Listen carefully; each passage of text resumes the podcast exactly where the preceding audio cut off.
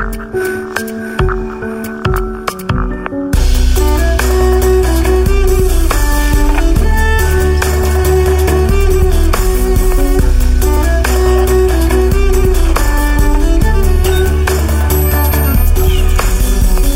alle sammen, og hjertelig velkommen til en ny episode av Nerve med meg, Tone Savro. Nå måtte jeg bare begynne. Nå uh, satte jeg meg ned og så litt på notatene mine og tenke gjennom litt sånn ok, hva skal vi snakke om, ditt og datt, og så skjer det så mye inni hodet da som jeg egentlig burde si høyt, så jeg tenkte at nå, nå må jeg bare trykke på record uh, før jeg tenker gjennom ting altfor mye, rett og slett. Jeg er tilbake, altså. Det er, det er, lenge siden sist. Det blir Jeg føler det blir litt sånn sjeldnere og sjeldnere episoder. Men sånn er det nå en gang, i hvert fall nå. Vi får se hvordan det blir i fremtiden. Men jeg skal i hvert fall ta en liten oppdatering. Jeg skal snakke litt om åpne forhold. Jeg har snakket litt om det i denne podkasten her flere ganger før. Men jeg, skal, jeg fant en, en, veldig fin post på Instagram som jeg følte for å snakke litt om. Som jeg skal ta for meg litt, litt senere. Først så tenkte jeg jeg skulle ja, skal vi ta en liten oppdatering, eller? Det er jo det er fryktelig lenge siden sist. Så vidt jeg har skjønt, så er det en måned i hvert fall, siden sist jeg lagde en episode. Så det virker som denne podkasten her er blitt en sånn månedsgreie nå. Det som tidligere var en ukesgreie. Men nå har det jo skjedd litt sånn småting, både viktige og særs uviktige ting. Men det er jo uansett litt kjekt å kunne sitte her og rante om det når jeg har en egen podkast. Jeg har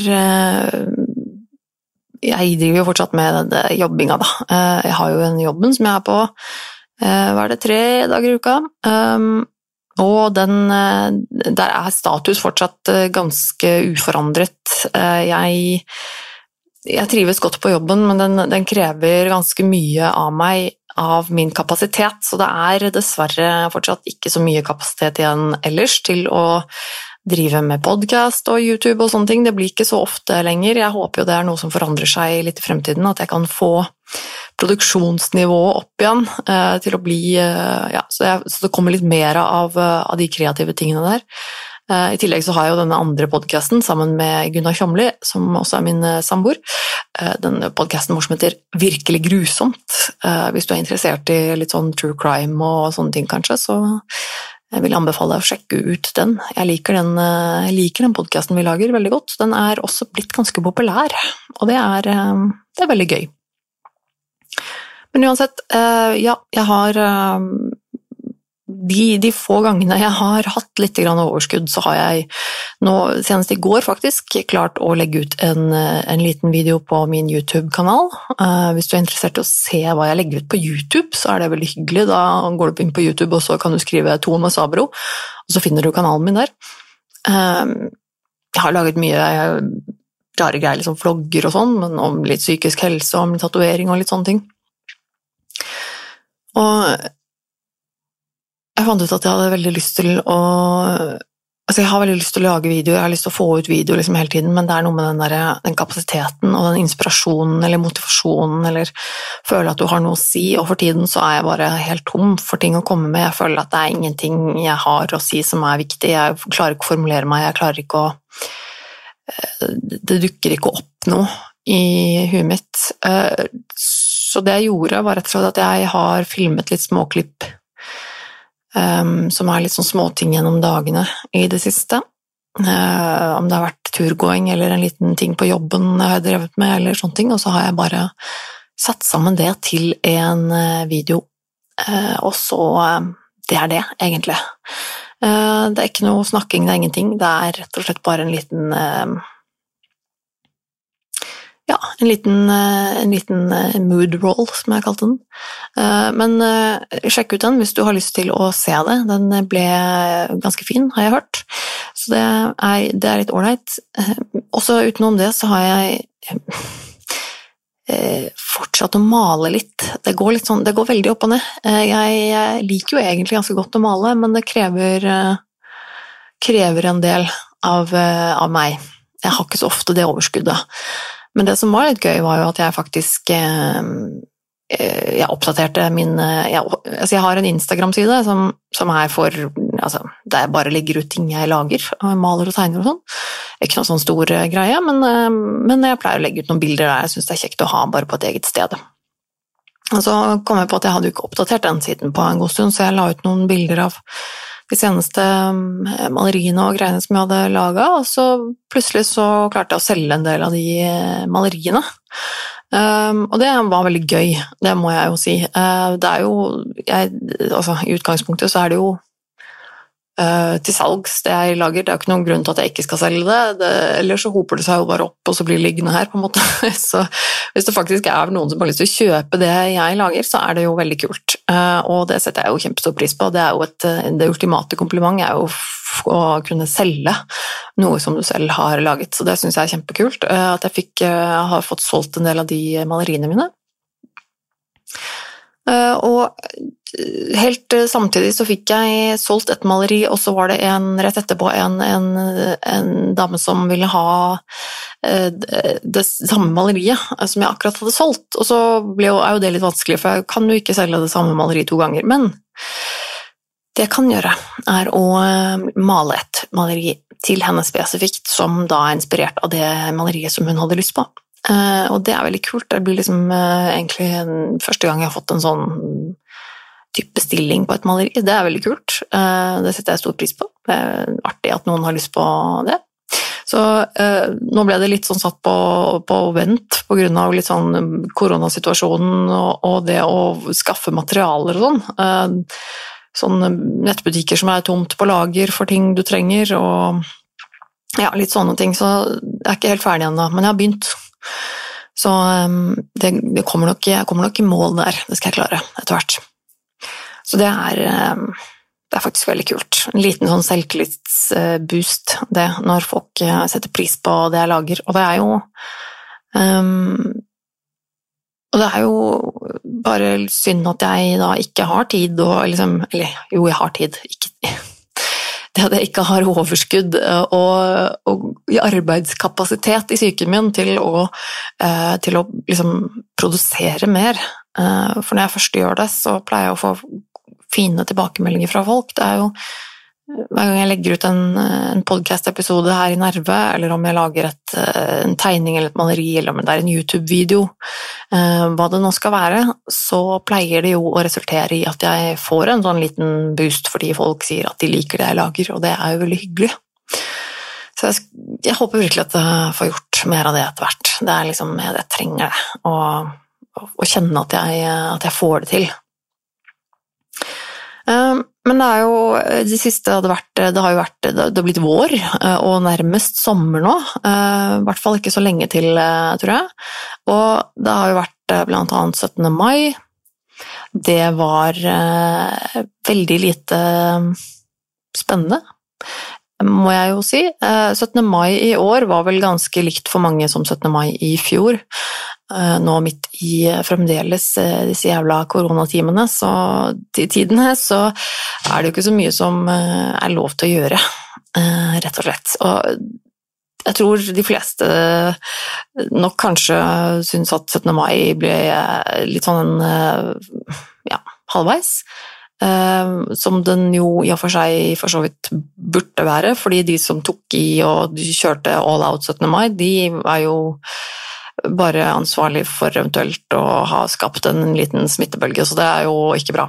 Men, uh, men jeg, jeg, gjorde ikke mye på 17. mai i fjor, jeg gjorde ikke mye på 17. mai i år heller. Det var egentlig, det var egentlig veldig deilig. Jeg må si at uh, 17. mai eh, betyr veldig lite for meg uh, personlig. Det er liksom en sånn dag som aldri um, siden jeg ble voksen, på en måte, så har jeg, jeg kan ikke si at jeg bryr meg så veldig mye. Jeg har ikke noen sånne spesielle 17. mai-tradisjoner. Um, jeg har jo ikke noe nært forhold med liksom familie og sånn. Det er ikke noe sånn at, eh, at, man har noen sånn tradisjon eh, om å eh, spise finne altså, det har, det har ikke, Jeg har ikke de, de der. Så um, det eneste som har vært litt sånn standard de siste årene eh, på 17. mai, har vært at jeg har tatt meg en tur til byen. Altså, jeg har jo eh, siden 2010 eh, så har jeg bodd i Oslo eh, og Oslo-området, enten i, midt i byen eller litt utenfor. Så det har på en måte vært den eneste faste, litt sånn semifaste greia. Det har vært å bare ta en tur inn til byen, egentlig, til Oslo by på 17. mai. Um, bare for å um, kjenne litt på den stemningen. Jeg liker jo det at um, det blir litt som sånn julaften på sommeren, på en måte. Folk er liksom glad, og det er god stemning, og det er lov å spise is og pølse midt på dagen, og det er liksom nærmest sånn at du må spise pølseis til du blir kvalm. Uh, ikke at jeg gjør det, uh, de som kjenner meg, ville jo vært svært overrasket hvis det gjaldt meg, men um, men det er noe med den, den uh, naive gleden som folk utstråler som er litt sjarmerende. Uh, til og med en sånn eh, kaldkynisk, uh, dystopisk person som meg kan gå rundt på 17. mai og kjenne at hm, i dag var det ganske deilig å leve. og det, det, er noe med det som gjør meg litt glad på et eller annet vis. Um, så, så, det har egentlig pleid, eneste jeg har pleid å gjøre, har vært å da Altså, jeg er ikke noe sånn eh, glad i, altså, glad i å pynte meg. Jeg har ikke så mye pynt, jeg har ikke så kjoler og sånn pynteklær. Så jeg har veldig lite av det. Altså. Det er så sjelden jeg, jeg har noen anledning til å liksom skulle pynte meg. Så, og jeg har en bunad, faktisk, et eller annet sted. Jo, den er hos, eh, på, sikkert på loftet hos eh, mine foreldre. En bunad som jeg fikk i min konfirmasjon. Det er egentlig, tenkte jeg på faktisk eh, senest i år, at eh, jeg fikk faktisk litt lyst til å sjekke om den fortsatt passer. Jeg har ikke brukt den bunaden på mange år. Um, jeg har faktisk bare brukt den én gang, og det var det året jeg fikk den til min konfirmasjon. Etter det så har jeg ikke brukt den. Uh, og den den er egentlig veldig fin, og det er litt trist at den ikke blir brukt, fordi den er faktisk sydd og brodert av min farmor, som jeg fikk den av. Hun eh, lagde den til seg selv og brukte den litt da hun var ung, eh, og så har jeg arvet den i etterkant. Og det er jo egentlig veldig synd at ikke den skal bli brukt. Så jeg også har jeg liksom tenkt at men bunad, jeg vil ikke gå i bunad, det er ikke meg, det er ikke min stil, jeg, er ikke noe sånn jeg hadde ikke følt meg komfortabel i det, både fordi det er liksom en kjole og pga. Liksom hvordan det ser ut. Altså, jeg syns bunad er kult liksom, i seg selv. Jeg syns det er gøy at vi har en nasjonal drakt. Jeg syns det er kult at det fins i forskjellige typer eh, og tradisjoner ut fra hvor i landet osv. Jeg syns egentlig det er en, en, kul greie. Men personlig så har jeg liksom ikke sett for meg selv at jeg kan gå i bunad. Eh, det har liksom ikke helt vært meg. Og så har jeg blitt litt sånn uh, jeg vet ikke. Eh, noen vil kanskje si at jeg er blitt litt voksen. Eh, eller så kanskje jeg bare har eh, blitt litt omvendt, på en måte. For jeg tenker litt sånn Ja, men fuck it, er ikke det litt kult, da? Å dukke opp som en sånn litt sånn rocka, tatovert voksen dame helst, som helst går i svart og streetwear, og så dukke opp i en bunad det er jo Det er så feil at det blir kult, på en måte. Uh, på en måte. Så ja, jeg, jeg vet ikke. Men jeg, også litt sånn for farmors skyld tenker jeg at jeg har litt lyst til å kanskje grave fram den bunaden i løpet av året, og så se om, eh, om det går an å bruke den i det hele tatt. For alt jeg vet, så er den jo altfor liten og ikke passer i det hele tatt, så Men ja, det var en tanke jeg gjorde meg, altså. Men ellers, på 17. mai i år, eh, så ble det ikke noen tur til byen, ikke i fjor heller, eh, av åpenbare årsaker. Eh, men det også er jo litt deilig, at man da ikke har noen planer, og så kan man rett og slett bare ha en fridag. Det var det vi gjorde. Sov lenge, ehm, sto opp og dro på meg dasseklærne, altså da snakk om joggedress, liksom. Eh, og så skru på NRK, bare for å få se litt hva som skjer i byen. Eh, der sto jo folk i regnvær og ble klissvåte mens de spilte og sang og venta på kongen og Og da var det, må jeg si, det var ganske deilig å kunne sitte hjemme. Så jeg gjorde, jeg gjorde det. Egentlig. Og så gjorde det samtidig som Og etter det så fortsatte jeg på å gjøre det, den andre tingen jeg har gjort mye av i det siste. Uh, for jeg har fått helt uh, dilla på uh, Og altså Jeg tidligere pleide jo å spille mye spill. Jeg var litt sånn gamer da jeg var yngre. på et Eh, jeg kan liksom ikke si at jeg er det lenger, fordi at jeg, jeg, spiller liksom ikke Jeg spiller jo ikke noe særlig mer. Da blir det jo på en måte litt feil å si at jeg fortsatt er gamer. Men jeg syns jo fortsatt uh, spill er kult. Uh, nå er det jo litt sånn at jeg har ikke noe særlig konsoller lenger. Jeg har ikke noe gaming-PC mer. Jeg har ikke egentlig de samme mulighetene til å spille lenger heller, og så er det noe med at jeg, jeg orker ikke Jeg har ikke helt den konsentrasjonen. Men så plutselig så gikk det opp for meg at uh, det er jo andre mennesker som spiller, og som gjør det tilgjengelig på nettet. Altså på Twitch og sånn, eh, og, på YouTube ikke minst, så kan man jo sitte og se på at andre mennesker spiller kule spill. Uh, og så har jeg jo visst om det uh, lenge, lenge, lenge, så vet jeg jo at folk driver med det, men så har det egentlig aldri tidligere på en måte falt meg inn å gjøre og se på det. Fordi jeg har jo spilt selv, eller hatt en samboer som spilte, som jeg kunne få med meg spill, eller altså, og så kom jeg på at shit, det er jo egentlig en jævlig god idé nå som jeg ikke egentlig har noen mulighet til å spille noe særlig lenger, og uh, jeg har en samboer som ikke spiller heller. Så jeg fant uh, rett og slett noen veldig kule kanaler på YouTube uh, med noe gaming og streaming sånn, så har jeg egentlig blitt helt hekta på det, og det har vært så deilig å kunne catche up med litt sånn spill som jeg har gått glipp av, som jeg har vært litt sånn skuffa for at jeg har gått glipp av. Så jeg satt jo og binga nye Resident Evil 8 uh, eh, i timevis og koste meg glugg. Uh, og det, så det var egentlig det jeg gjorde på 17. mai. Jeg tror jeg var vel omtrent akkurat da Var det ikke rundt da Resident Evil ble sluppet, av, tro? Jeg lurer på det. Uh, i hvert fall rett etter at det ble sluppet, så begynte jeg å binge-watche det på YouTube. og bare helt sånn fantastisk å sitte og se på. Så jeg gjør egentlig mye av det. Når jeg ikke orker å gjøre andre ting, så blir det eh, ja, rett og slett det, det det, går veldig mye Og min favoritt nå er eh, Gab Smolders. Eh, hun er veldig kul. Hun er veldig liksom lik meg på mange måter. Veldig lik spillestil som meg. og ja, egentlig litt sånn stil generelt, men veldig kul dame. Så sjekk ut Gab Smolders på, på YouTube og på, Switch, på Twitch hvis du, ikke, hvis du, er interessert i slikt. I tillegg til det, enda nyere, så er det jo skjedd noe som ca. halvparten av befolkningen er opptatt av, nemlig Eurovision. Eh, jeg tror det er en litt sånn greie som folk enten digger eller bare ikke har noe forhold til overhodet og syns er veldig kjedelig. Jeg har jo hatt en sånn tradisjon uh, om å digge det. Jeg har flere venner som digger det, har sett på det i mange år og syns det er artig. Spesielt artig er det å se på semifinalene, for det er jo der du får se alt det som ikke kommer til finalen, og det er jo verdt å få med seg, vil jeg påstå. Men uansett, jeg skal ikke sitte her og rante veldig lenge om Eurovision, det er sånn en del kanskje der ute som ikke er så veldig interessert i det. Eh, men de som vant i år, var jo Italia, det er et eh, rockeband, liksom punkrockband, eh, som heter Måneskinn. Italiensk, sa jeg det? Ja.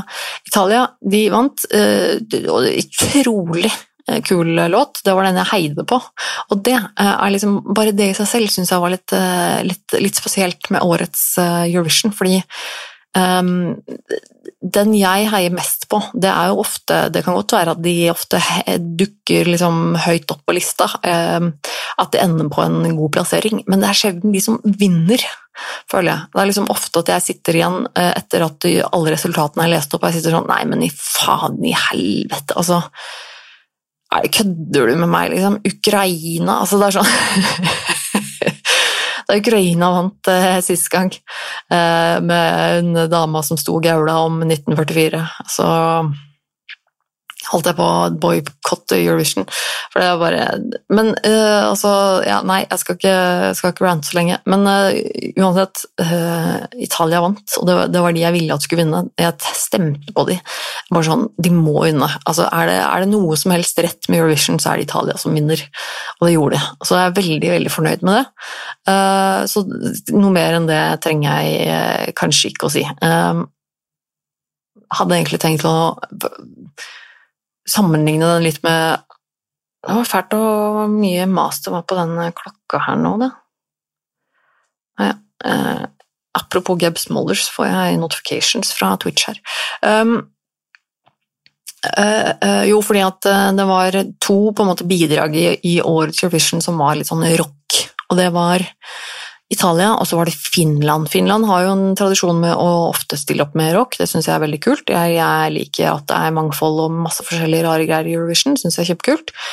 Um, og eh, det, det, det, finske bandet som heter Blind Channel, var jo også med i år, og jeg, jeg må si at det, det gjorde meg eh, det, det, var litt problematisk for min del. Det gjorde noe rart med hodet mitt, fordi jeg bare um,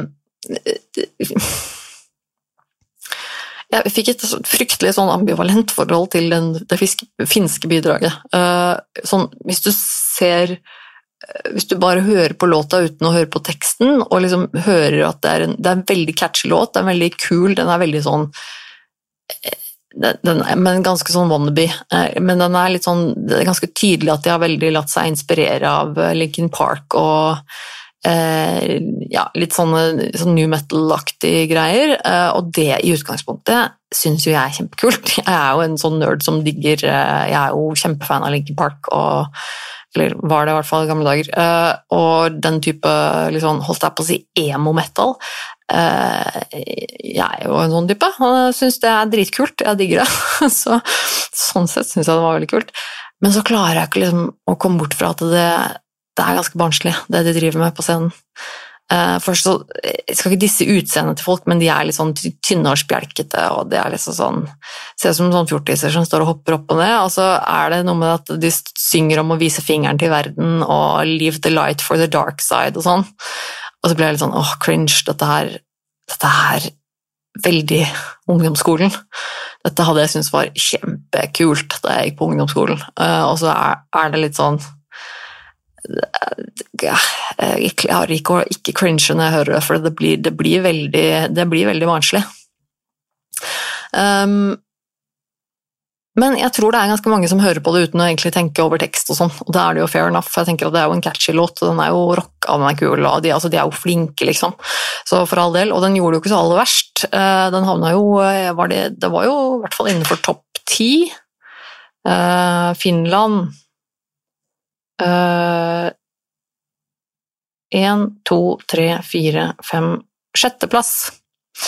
Så det er jo absolutt en, en, bra plassering, vil jeg si. Så, sånn sett så er det jo bra. Jeg liker jo at rock gjør det bra i Eurovision, så det er tommel opp.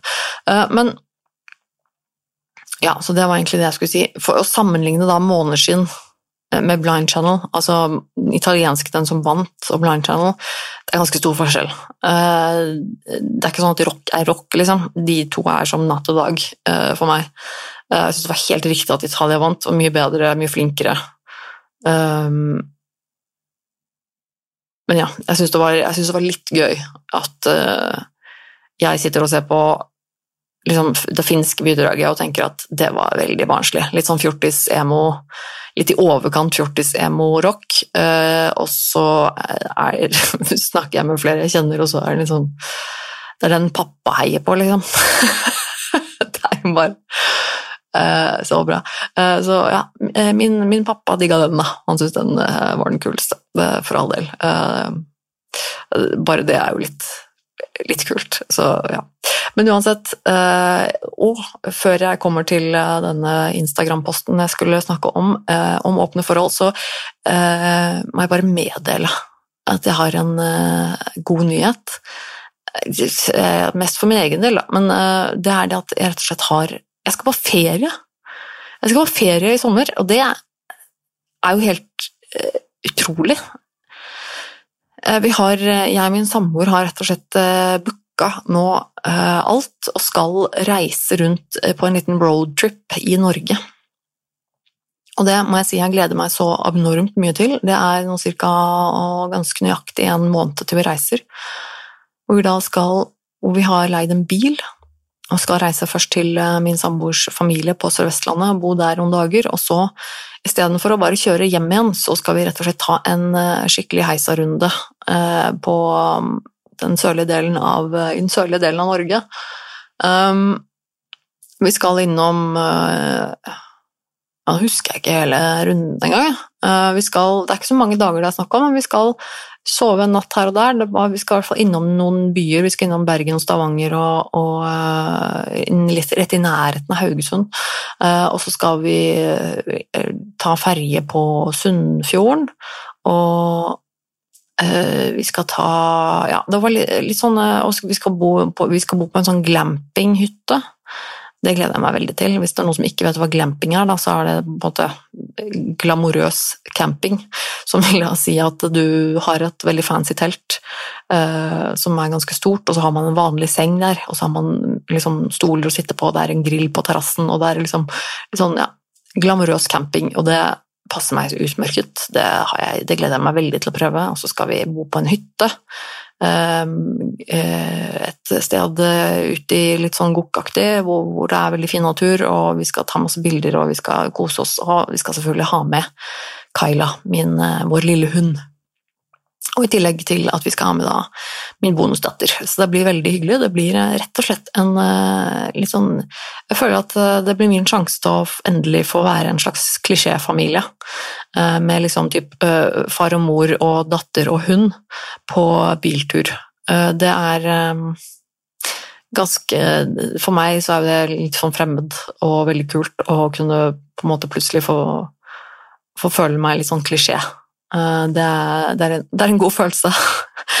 Så jeg gleder meg veldig til det, og det er jo også en del av disse stedene vi skal kjøre innom som jeg ikke har sett før, og det er jo en skam å ikke ha sett mer av Norge når jeg bor i Norge, og Norge er så vakkert. Vi har så mye fin natur og fine steder å oppleve og se i Norge. Og nå skal jeg i hvert fall få en liten smakebit. Det gleder jeg meg veldig til. Bare det å komme vekk.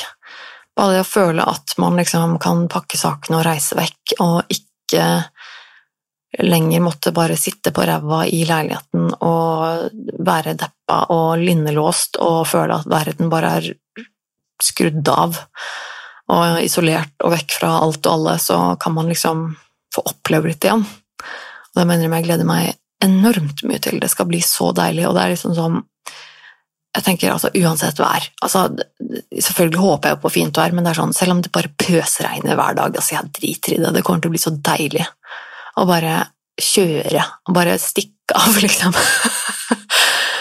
ja, så det Nei, jeg gleder meg veldig til det. Men ja, nå skal jeg altså uh, ta for meg en Instagram-post som jeg leste her uh, forleden. Vi skal uh, til en Nå skal jeg bare finne fram den, den var litt urutinert å ikke ha den framme allerede. Skal vi se Var det denne, da, tro?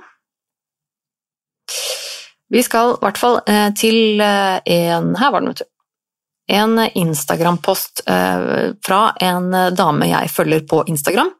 Hun heter Tone Haldorsen. Hun er sexolog og er eh, veldig flink. Eh, jeg syns jo Jeg har vært litt inne på det tidligere i denne podkasten med disse sexologene som Ja, det er jo ikke en beskytta tittel, og det er ikke alle disse, disse kjente sexologene vi har i dette landet som jeg syns er spesielt inspirerende. Men uh, Tone Halvorsen er, uh, er, sexolog. Litt usikker på akkurat uh, liksom, hvor mye utdannelse hun har og sånn innen dette her, men hun slår meg som veldig, veldig altså flink og veldig saklig, veldig åpensinnet og veldig veldig avslappa, egentlig, og det syns jeg er fint. Hun snakker om, om de sånne type temaer på en liksom voksen og lite fordomsfull måte, og er litt sånn nysgjerrig og fordomsfri, og det liker jeg um, det liker jeg veldig godt, i motsetning til andre sexologer som jeg hører snakke, som jeg tenker at dette er rett og slett bare veldig uinteressant og vulgært, og i tillegg til å liksom være åpensinnet, så er du ganske prippen, og jeg vet ikke Ja, uansett. Det handler om åpne forhold, og det er jo som sagt noe jeg har snakket om i denne podkasten her før. Jeg selv er jo et åpent forhold. Og det er litt sånn myteomspunnet, dette her med åpne forhold. Det er mange som tror mye rart om hva det er, og hva det dreier seg om. Og det, er, det, det kan jeg skjønne, det skjønner jeg veldig godt. For det er jo fremstilt på veldig mye rare måter rundt omkring i video, altså på film og jeg vet ikke hva. Men det handler jo om Det handler bare om å være ikke-monogam. Og det er jo like mye kjærlighet involvert. Og som jeg alltid har sagt, er at det er jo ikke noe Det er ikke sånn at dette er en løsning på et dårlig forhold å åpne det opp. Det er tvert imot en veldig dårlig idé, vil jeg påstå. Hvis man har et litt, litt skrantende forhold. Men jeg skal lese og kommentere litt underveis det som står i denne posten. For jeg syns uh, Tone her denne, i, i, denne posten um, tok opp noen punkter om åpne forhold og forklarte det på en veldig fin måte. Um, så hun skriver her åpne forhold er alltid kontroversielt, og det syns jeg er trist. Øh, åpen slash monogam slash poli forhold er forhold, og alle er like ekte. Det er mange fordommer og spørsmål rundt åpne slash poli forhold, så la meg svare på noen av dem. Så har vi øh, da første punkt. Åpne forhold er ikke et alternativ til brudd. Aldri åpne forholdet om dere er på et dårlig sted. Åpne slash poli forhold funker kun om man har det bra sammen først. Og det er jeg veldig, veldig veldig enig. Det er litt, dessverre sånn ofte, som jeg har sett i hvert fall, at man har sett i sånn film sånn at man gjerne liksom åpner forhold eller har et åpent forhold hvis man egentlig leter etter noen andre, egentlig kanskje ikke vil være sammen lenger eller føler at det ikke funker lenger. Eller, og det tror jeg er en veldig dårlig idé. Ehm, jeg tror som regel det ofte er en ehm, oppskrift på at man bare går fra hverandre, og at man til slutt bare ender med å ødelegge forholdet. Ehm, min erfaring også er jo det at et åpent forhold, det, det krever at man har en veldig, veldig trygghet i forholdet sitt. At jeg og min samboer har en veldig, veldig trygghet på hverandre, og at vi vil være sammen, og at vi ønsker de samme tingene. Og eh, det tror jeg er helt essensielt for at det skal funke å ha et, et uh, åpent uh, eller poliforhold. Um, så jeg er helt, um, helt enig, og jeg, og jeg, tror heller ikke det er um, jeg tror heller ikke det er normalen. At hvis du hører om noen som har et åpent forhold, så betyr det at de bare er i et dårlig forhold. Eh, og de egentlig ønsker å ta dette skrittet liksom, for å få en eh, myk vei ut. Det, det er nok eh, stort sett fordommer, og det er nok ofte at det ikke stemmer. Neste punkt. De færreste i åpne forhold ønsker å ligge rundt. Det er ikke en, et fripass til uendelige sexpartnere bak kjærestens rygg, det er en mulighet til et åpent og sunt sexliv og følelsesliv. Og det ehm, er også et viktig poeng, for her er det nok mange som tenker eh, mye rart. Når de hører at eh, jeg er i et åpent forhold, så tenker de kanskje at, at det betyr at jeg liker å ligge rundt, eller at jeg har eh, mange sexpartnere, eller um, at jeg bare er promiskuøs, liksom. Uh, det det er ikke sånn at eh, det er det som er tilfellet. Um, oftest sett så vil det jo bare si at um, at man har en Ja, at man er åpen um, for det å ha flere seksuelle partnere, men at dette er helt åpent mellom mellom meg og samboeren min, og mellom, altså, i det forholdet du allerede har. Og det er jo veldig, veldig viktig. Eh, reglene i forholdet må gjelde begge veier, men reglene kan være forskjellige mellom partene. For eksempel kan én være åpen poli, og den andre monogam. Hva som passer for dere, er deres sak. Og det er også et veldig viktig poeng, at eh, hver enkelt par får lage sine egne regler. Det er jo ikke sånn at hvis man er i et åpent forhold, så betyr det at det forholdet må være sånn eller sånn. Ehm, det er fortsatt som et hvert annet kjæresteforhold at det er individuelle mennesker som setter pris på forskjellige ting, og som trenger forskjellige ting, og som gjør ting på forskjellige måter. Og det er derfor også det er så viktig å ha denne åpne kommunikasjonen med hverandre om hva man ønsker, og hvordan man ønsker å gjøre det. Og da kan det være et type sånt forhold da, hvor kanskje den ene parten ikke har noe behov for å ha flere partnere, eller eh, for å være åpen sånn sett, da. Ehm, mens den andre har det. Og noen ganger så kan jo det selvfølgelig være vanskelig, og også ende med at da man, kanskje man ikke passer sammen, men eh, fra annen side så er det mange som syns det er helt ok. At man er trygg på hverandre, at man har et kjæresteforhold som er veldig bra, eh, men at den ene kanskje har lyst til å ha mulighet til da, å utforske andre mennesker i tillegg, uten at den andre eh, i forholdet plages av det. At det tvert imot kan kanskje være noe som gir deres forhold noe ekstra, og som gjør at de føler seg tettere knyttet til hverandre. Utroskap finnes i både monogame og åpne forhold. Utroskap er ikke kun å ha sex med andre. Utroskap er å bryte rammene og reglene som er avtalt i forholdet. Og det er jo også en ting som mange syns kanskje er litt rart. Jeg å tenke at liksom, ja, men eh, går det an å være utro hvis man er i et åpent forhold, liksom? Ja, det gjør det.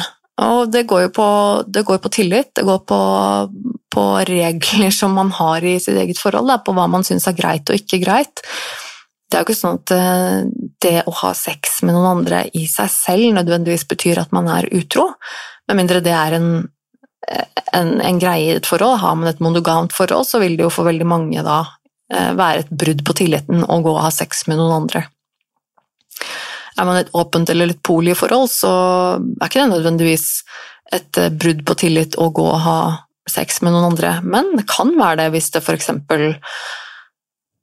er eh, utenom avtale, altså hvis man føler at, man er, eh, at partneren har gjort noe uten å fortelle det til deg, eller at det er altså gjort, gjort bak, en, bak til en rygg, eller, hvis, eller kanskje det ikke har noe med sex å gjøre i det hele tatt. Kanskje det har noe med flørting eller bare å møte noen, eller en eller annen emosjonell tilknytning som man har gjort bak den andres rygg. Og det kan jo fort føles som et svik og et brudd på tillit og utroskap. Og jeg tenker at uh, i mitt eget tilfelle, da, hvis for eksempel altså jeg, Selv om jeg er et åpent forhold, så er det jo ikke sånn at da betyr det at kjæresten min aldri kan være utro mot meg.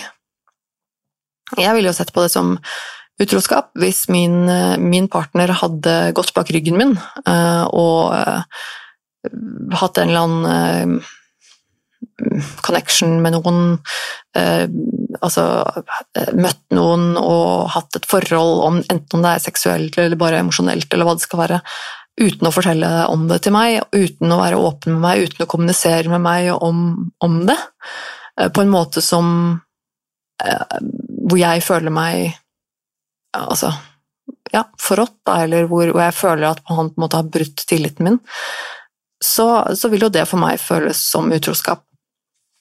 Så det er jo litt sånn med hva man, hva man gjør det til. Utroskap er jo ikke én ting. Um, I noen forhold så vil det være utroskap om uh, om, om, den ene parten flørter eller ja, har et kyss med annet, et annet menneske, så vil det være kjempesårende og, og, forferdelig og ansett som utroskap.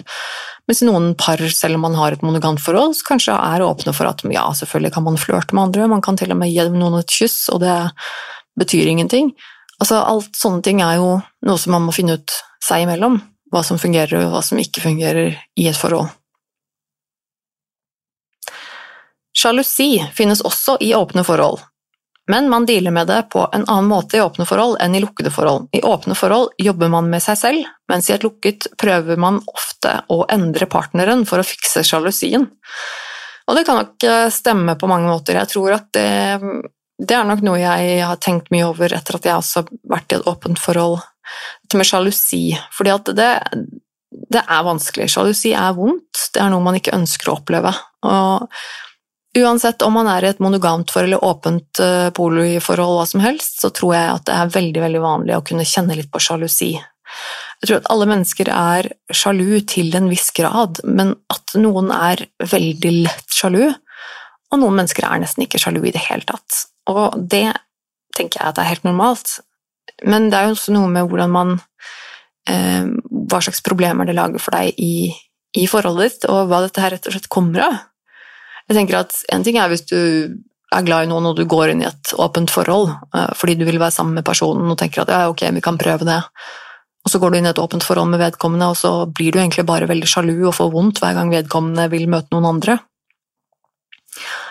Og så er det kanskje at ok, men kanskje et åpent forhold ikke er noe for deg. Um, og det er jo helt fair enough, fordi at et åpent forhold er ikke nødvendigvis noe alle ønsker eller alle trenger. Det er ikke riktig for alle. Jeg tror at eh, man må liksom kjenne litt på sine egne grenser og sånn, men, men, jeg tror også at, at, det er vanlig å bli sjalu i et åpent forhold. Og det er jo, du vet jo det helt sikkert selv også, at eh, sjalusi det kan trigges av de mest banale eller merkelige dumme ting. Eh, det trenger jo ikke å være noe alvorlig i det hele tatt. Det kan være en bitte liten ting som gjør at du plutselig bare føler at åh, nå fikk jeg liksom et stikk av sjalusi.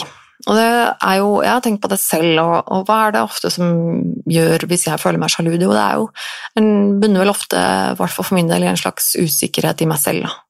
Om at kanskje jeg ikke føler meg god nok, eller at, uh, at det treffer meg på et eller annet sårt punkt. At, uh, at man skulle ønske man eh, så sånn ut, eller at man skulle ønske man var litt mer sånn eller sånn, eller Og så er det vondt at man blir sammenlignet med andre på et eller annet vis, eller og at man da kan bli sjalu. Men uh, jeg tenker at det er altså Hun skriver jo her at uh, man dealer med det på en annen måte i åpne forhold enn i lukkede forhold. I åpne forhold jobber man med seg selv, mens i et lukket prøver man ofte å endre partneren for å fikse sjalusien. Um, jeg tror ikke det nødvendigvis stemmer at det bare skjer i åpne eller lukkede forhold. Jeg tror også det at hvis man har et åpent forhold, så kan det hende man på en måte at man prøver å endre partneren sin. Det tror jeg er noe man kan kjenne på at, på, at uansett hva slags forhold man er, man er i. Um, jeg tror at selv om man er et eh, monogamt forhold, så kan det godt hende at man er uh, flink til å jobbe med seg selv og sin egen sjalusi også. Um, så jeg vil jo ikke helt Jeg vil ikke si meg enig sånn sett, i veldig sånn sånn kategorisk hvordan det er skrevet her, i forhold til at eh, et monogamt forhold og et eh, åpent forhold er veldig forskjellige på den måten, men jeg tror likevel det er et viktig poeng at um, at det at sjalusi er en følelse som sitter i en selv, um, men som ofte går utover en partner. Og det er jo en grunn til at sjalusien vår dukker opp. Det er en grunn til at de følelsene dukker opp, og de er en følelse som det er en følelse som, ehm, som, du selv er ansvarlig for å finne ut av. Eh, så hvor mye skal du legge over på partneren din? Altså, hvor mye skal din partner begrenses av din sjalusi? Um, og det er jo ikke noe riktig eller galt svar på det, tenker jeg. Det er jo en ting man må finne ut av. Vi har jo alle mennesker forskjellige grenser for hva som er greit og ikke, og samtidig så er det også noe med at en sjalusifølelse er også noe man kan bearbeide. Eh, jeg tror nok definitivt at jeg var en mye mer sjalu person før. Jeg var nok veldig mye mer, mer usikker på meg selv i et forhold, og, og det før, og mer usikker litt sånn generelt, og, og hadde kanskje litt dårligere selvfølelse, um, som igjen da gjorde at jeg ble lettere sjalusi i et forhold. Uh, som blir lettere sjalu i et forhold.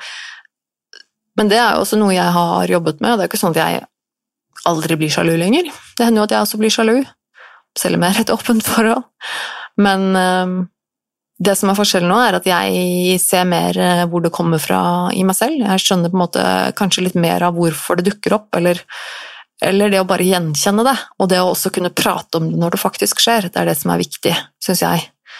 At hvis jeg kjenner på sjalusi, at jeg kan da si det til partneren min, at jeg kan snakke med han om det og si at øh, det Æsj, det gjorde meg at jeg følte meg litt sånn Det var en litt sånn vond følelse, eller åh Altså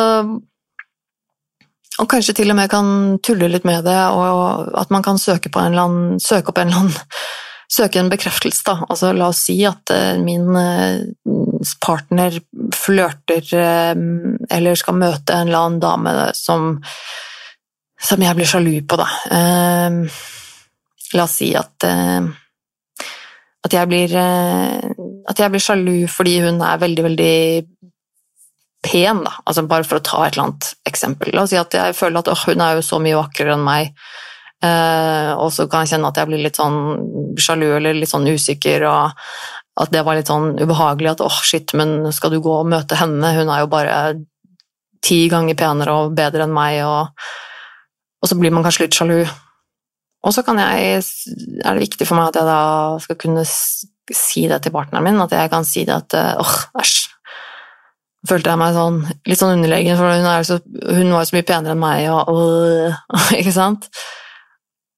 Men at da min samboer kan bekrefte overfor meg at øh, nei, vet du hva, det er hun ikke.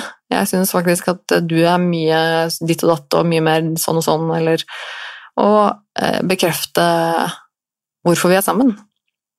For det er litt det det går på. Jeg er jo trygg på at han ikke kommer til å løpe fra meg han har den friheten til å gå hvor han vil, til hvem han vil, men han velger frivillig å komme hjem til meg. Og det vet jeg, og det stoler jeg på. Og det er også en del av den friheten at jeg ønsker at han skal være sammen med meg fordi han faktisk vil det. Fordi han velger meg. Ikke fordi han er fratatt muligheten til å velge noen andre. Det, men det er jo likevel noe med at noen ganger så er ikke følelsene rasjonelle, og du trenger å kanskje få det litt bekrefta, da.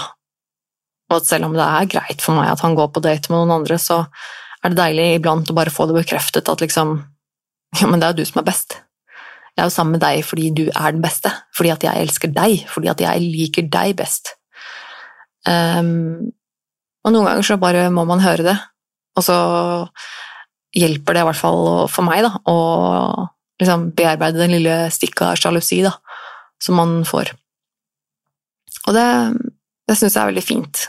At jeg kan kunne kjenne på det og gjenkjenne det, og så kan vi snakke om det, og så blir det lettere. Og samtidig så vet jeg også at på den annen side, så hvis det er noe som dukker opp som jeg virkelig på en måte ikke syns er greit, av en eller annen grunn, hvis det er en eller annen, en eller annen person som han snakker med, eller som vil, vil møte, som jeg da av en eller annen grunn skulle, skulle synes at det ikke var greit at han møtte, så er det også greit. Jeg vil alltid på en måte komme først, da. Så, og det vet jeg. Det er noe med, jeg vet at han vil alltid velge meg først, og det samme gjelder tilbake. Men selvfølgelig, sjalusi er eh, Det tror jeg er noe vi alle til en viss grad kan føle på, uansett hva slags type forhold vi er i. Åpne forhold sies å kreve mer arbeid. Det er jeg både enig og uenig i. Jeg mener at om monogame hadde lagt ned like mye arbeid i kommunikasjon, avklaring, sjekke inn med partneren om følelser, hvor hen er i livet i forholdet sitt som åpne slash poli, ville bruddstatistikken gått drastisk ned. Et ord parterapi. Og det er nok mye der jeg er veldig enig. Eh, jeg tror jo grunnen til Altså, ikke, jeg kjenner jo ikke fryktelig mange mennesker, men det er en del mennesker jeg har snakket med eller vært borti som, som er selv i åpne forhold, og som har en veldig, veldig tett og spesiell eh, tilknytning til partneren sin. Eh, at jeg opplever deres forhold som veldig, veldig, veldig sterkt og veldig tett. Og ganske sånn unikt, egentlig. Og det er litt sånn jeg Høres litt teit ut, kanskje, men det er litt sånn jeg føler det med det forholdet jeg er i nå. Jeg sier jo ikke at jeg vet at det kommer til å vare for alltid, eller noen ting. Det, det vet man jo ikke. Det kan man aldri vite. Jeg håper jo det, selvfølgelig. Um, men jeg ser jo på nå som altså Forholdet vårt er ganske unikt og veldig, veldig sterkt. Rett og slett fordi vi velger. Vi vil hele tiden bekrefte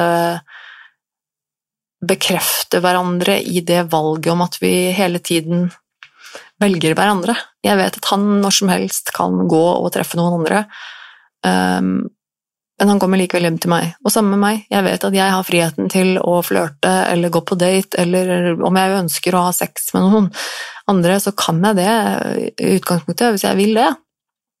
Men jeg velger likevel. Og alltid gå hjem til kjæresten min. Det er han jeg vil være sammen med og bo sammen med hver dag. Det er han jeg elsker. Og det er jo ultimate, det ultimate komplimentet, tenker jeg også, for han, og det samme tenker jo jeg.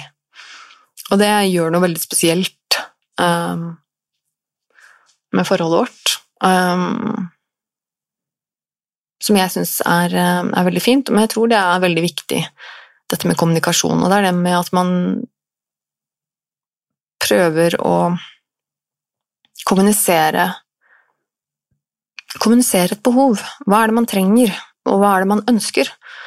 Og hvilken grad um, disse her overlapper, da. Altså, for det er mange ting man kan tenke at man har lyst til i livet, men som ikke nødvendigvis er noe man trenger. Um, og så er det noen ting man trenger i livet som man kjenner at jo, men dette er faktisk noe jeg ikke er helt meg selv, eller ikke er helt lykkelig uten. Og så gjelder det å finne en mellomting der, da.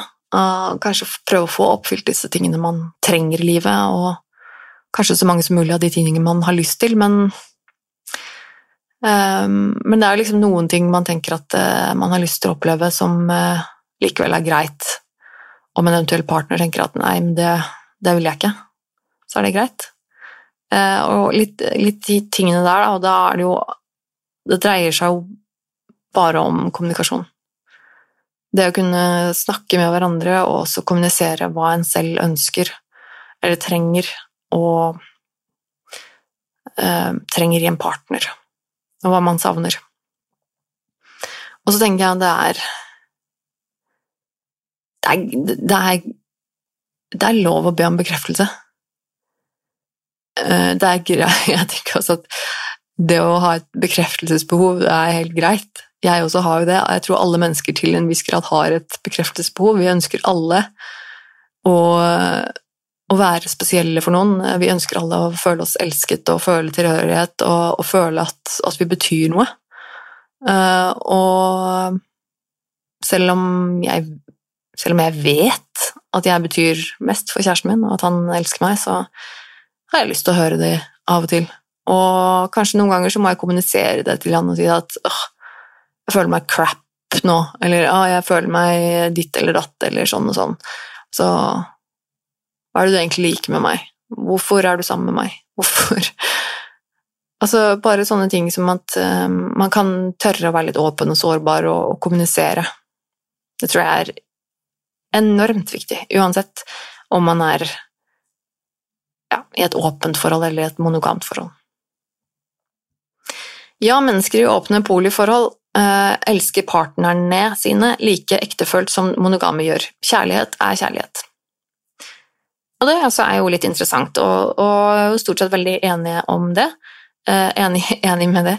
Um, jeg Det er jo også litt sånn ok, hva er forskjellen på et uh, åpent forhold og et poliforhold? Det er også litt sånn uh, litt sånn flytende, kanskje. Jeg vet ikke om det er noe, finnes noe én riktig definisjon på det, men, men, sånn som jeg ser på det, så eh, for meg så er det eh, et, et, åpent forhold er hvis man har et par som er åpne for at eh, begge eller eh, en av dem eh, kan treffe andre mennesker. Enten eh, om det er liksom noe, noe, langvarig eller noe en gang iblant, eller altså hva det skal være. Men at eh, man på en måte kjernen alltid vil være de to, eh, og at det er de to som på en måte alltid vil prioritere hverandre høyest, og at det er de som på en måte er hovedparet, hvis du skjønner hva jeg mener. Mens et poliforhold, da tenker jeg at det er eh, At det kanskje er mennesker som er eh, sammen i like stor grad og har like på en måte tette bånd med hverandre Um, uten å bare være to, kanskje. Kanskje det er tre mennesker som, uh, som er kjærester. altså, uh, kanskje det er et par da, som, som, er kjærester, og så har hun eller han i tillegg en kjæreste til, som man enten kanskje til og med bor sammen med av og til, eller man bytter på å bo sammen, eller um, eller at man har kanskje en, en, en samboer og en man er person man bor sammen med, men i tillegg har en kjæreste på siden, kanskje, eh, som man treffer jevnlig, og som man er sammen med og, er like glad i. Um, og, men det er liksom noe med det at um, det går jo an å være glad i mer enn ett menneske. Da mener jeg altså glad i. Altså sånn Du har jo mest sannsynlig så har du mer enn én venn i livet ditt. Eh, du har mer enn ett menneske i livet ditt som du er glad i. Man er venner med kanskje to eller flere på en gang, ikke sant? og det er jo fordi at du trenger ikke bare ha én venn. Du kan ha flere venner på en gang, og, hvorfor det? Jo, fordi at de er forskjellige mennesker, og du er like glad i vennene dine, men kanskje, kanskje bare på forskjellige måter, fordi at de er forskjellige mennesker. Og du er ikke nødvendigvis sånn at du kan si at du er mer glad i den vennen enn den vennen, men det er bare to mennesker som du er veldig glad i. Og det samme er det jo noen som har også med, med kjæresteforhold. At uh, altså man er kanskje to, to eller flere, uh, for en saks skyld, men at man har kanskje to mennesker da, som man elsker like mye, uh, og som man vil være sammen, og som man har kjærlighetsforhold til. Og det betyr jo ikke at den ene er noe bedre enn den andre, eller Det er noe med det hun skriver her også, at kjærlighet er kjærlighet, og noen ganger så er det Ja, noen mennesker har det sånn. Um, selv har jeg ikke selv har jeg ikke opplevd å være et sånn sett poliforhold. Jeg har ikke, aldri, altså jeg har ikke hatt um, jeg har ikke hatt flere liksom, kjærester på en gang som jeg har vært like glad i. Det har jeg ikke opplevd. Heller ikke at min kjæreste har hatt det på sin side.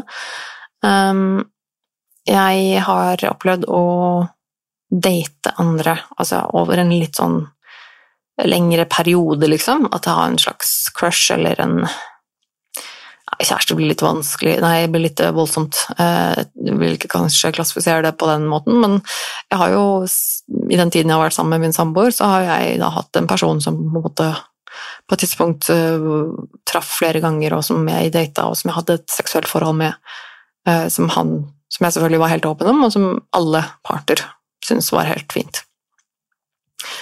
Men det var alltid sånn at jeg uh, Min, min samboer var på en måte min min hovedperson. Den personen jeg ville bo sammen med og være sammen med. Og noe, jeg følte ikke noe egentlig behov for å ja, bo sammen med, eller uh, Jeg hadde ikke det behovet i like stor grad med en eventuell annen person jeg var sammen med da. Um, så, men det er liksom Alle er forskjellige. Jeg tenker at det er liksom sånn man Ja. Men ehm, eh, ja, så neste ehm, Skal vi se Om én vil åpne opp og den andre ikke, og parterapi ikke gir dere en god retning sammen, må dere ta en alvorlig beslutning på om dere kan være sammen, eller om det er på tide å gi slipp. Å ikke leve som man ønsker, vil bli problematisk for begge i lengden. Og det er jeg veldig enig i. Det er litt som jeg var inne på tidligere også, med at man må liksom kjenne på litt hvor grensene går hen. En ting er jo å være åpen og på en måte prøve litt ting og sånn. Eh, det tror jeg på mange måter kan være ganske sunt, og, på en måte utfordre sine egne tanker eller følelser iblant. Um, men hvis du er den typen som føler at men det hadde aldri vært for meg, jeg kan ikke, jeg vil ikke, så, så tror jeg det er noe man må respektere. Og det er selvfølgelig utrolig trist da, hvis man havner i en situasjon hvor den ene personen har lyst til å åpne opp forholdet, f.eks., for og den andre ikke ønsker det eller ikke klarer det, og det ikke er et, et behov. Så noen ganger så kan det hende selvfølgelig at man, man kommer til enighet om noe som fungerer. På en annen side så tror jeg fort det kan bli veldig ødeleggende hvis den ene skal Eller hvis man skal innrette seg den andre på tross av sine egne behov. Over tid så vil jeg jo tro at det ikke gjør noen lykkelige. Ikke vær negativ mot andre samlivsformer enn det samfunnet sier er det riktige. Monogam, poli, åpen, lev som du og partneren din ønsker, ikke hva andre bestemmer. Det finnes mange samlivsformer, og ingen har en fasit.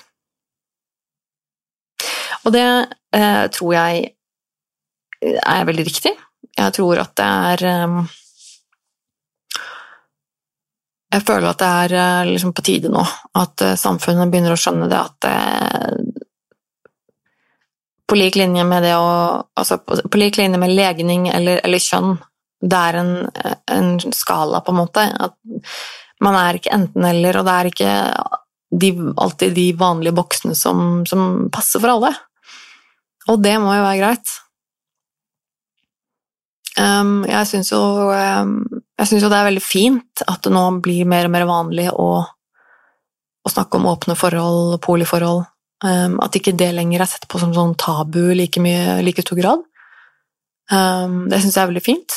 Uh, samtidig så er jeg veldig, veldig veldig sikker på det at et åpent eller poliforhold, det er ikke for alle. Det er ikke sånn at det er det riktige. Det er ikke noe som er riktig og galt, det handler bare om å finne, på, finne, finne det som passer for deg, passer for deres forhold. Um, og jeg tror det er det vi må være mer åpen for. At ikke alle ønsker det samme. At ikke alle trenger det samme. Uh, og at det er noen mennesker som uh, kanskje trenger å ha et åpent forhold, og noen mennesker bare trenger å ha et monogamt forhold. og det er helt greit. Det viktigste tenker jeg at det er at vi ikke da dømmer hverandres behov. Og jeg skjønner jo godt det at eh, at de sikkert alle, de aller fleste ønsker et monogamt forhold. Jeg har selv også hatt de fleste av forholdene i livet mitt har vært monogame. Um, og skjønner at det er det som passer de fleste. Uh, men jeg tror nok likevel at uh, hvis det ikke hadde vært så tabu og mye usikkerhet og stigma knyttet til dette med åpne forhold, så tror jeg nok at uh, flere nok hadde valgt det. Jeg tror jo definitivt at det, det å ha et åpent eller et boligforhold er noe som nok eh, mange kanskje egentlig trenger eller ønsker, men som ikke eh, får det. Eh, som, ikke, som ikke kan det, eller som ikke Ja. Det, det, det, er jeg nok ganske sikker på. Og jeg tenker at det er bra at vi stiller spørsmål og kan snakke om sånne ting. Og jeg syns jo det er kjempeinteressant selv å høre om uh, hvordan andre mennesker lever i åpne eller poliforhold. Eh, det er jo ikke sånn at jeg føler at bare fordi jeg gjør det selv, så vet jeg hvordan det er med alle, liksom. Det er jo ikke sånn, fordi som vi også har vært inne på, at eh, alle par er forskjellige. Det gjelder jo monogame også. Um, så jeg syns jo alltid det er interessant å Dette med samlivsformer og hvordan forskjellige mennesker gjør det. Det syns jeg er uh, interessant og spennende. Um, og apropos, hvis det er noen der ute av dere som hører på, som har noen spørsmål eller kommentarer, så må dere gjerne komme med det. Uh, enten om det er angående dette med åpne forhold, eller om det er uh, ja, noe annet. Um, så kan du godt sende meg en mail på nervemetone.gmail.com, eller så finner du meg i sosiale medier. Du kan ta kontakt der òg, for jeg eh, som regel så er jeg ganske god på å følge opp. Søke på Tone Savro i sosiale medier, så skal du klare å finne meg der. Og apropos denne Tone som hadde skrevet dette innlegget på Instagram. Hun heter altså Tone Haldorsen, eh, og hvis du går på Instagram, så heter hun der Tone Sexolog. Jeg har, jeg har eh, hørt henne på eh, litt sånn på Nytfestivalen og litt sånn småting. Generelt legger ut mye fine poster på Instagram om sex og samliv og, og sånne ting absolutt uh, verdt å sjekke ut hennes Instagram. Hun er sikkert på andre medier òg, men jeg er liksom mest på Instagram. liksom, det er der jeg henger mest, så det er der jeg har fått det med meg. Um, men sjekk ut uh, Tone Sexolog. Det er altså ikke meg, men uh, Tone Haldorsen heter hun. Um, jeg tror jeg rett og slett skal avslutte nå, for jeg merker at nå begynner jeg å bli ganske rusten i stemmen. Jeg er ikke vant til å sitte og prate så lenge. Så vil, eh, hvis du har hørt på helt hit, helt til slutten her, så tusen takk for det. Jeg syns det er utrolig kult og setter stor pris på alle dere der ute som hører på. Eh, men ta gjerne kontakt, enten om det er eh, spørsmål eller tilbakemeldinger eller hva det nå skal være, så syns jeg det er kjempegøy å høre fra dere. Jeg har også en Patron, hvis det er noen der ute som er interessert i å støtte meg, litt sånn uh, uavhengig, holdt jeg på å si, uh, det jeg driver med, podcaster, YouTube, sånne ting, så har jeg en Patrion, og det, da kan du gå inn på patrion.com slash tonesabro. Og det er et slags abonnement i gåseøynene, du kan si det opp når du vil, hvor du da betaler en liten månedspris til meg som støtte. setter jeg veldig stor pris på, dere som, dere som støtter meg der. Eller så finner du min eh, podkast som jeg har sammen med Gunnar Kjomli, Virkelig grusomt. Den ligger i alle podkast-appene dine, også der du hører denne podkasten her. Mest sannsynlig. Um, og så, um, ja Sjekk meg i sosiale medier, YouTube, hva det skal være. Uh, hvis du kan navnet mitt, Tone Sabro, så finner du meg ja, omtrent hvor som helst med det navnet. Igjen, uh, takk for at du hørte på. Jeg vet ikke når jeg er tilbake igjen her neste gang. Men eh, en episode blir det nok igjen. Dette er nok ikke den siste. Så fortsett å abonnere, fortsett å komme med tilbakemeldinger og, og spørsmål, og så høres vi igjen. Ta godt vare på deg sjøl. Ha det bra.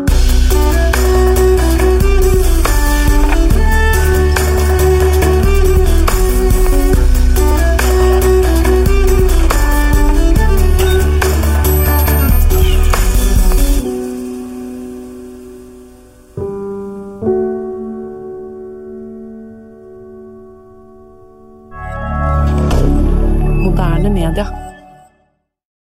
Har du et enkeltpersonforetak eller en liten bedrift? Da er du sikkert lei av å høre meg snakke om hvor enkelt det er med kvitteringer og bilag i fiken, så vi eh, gir oss her, vi.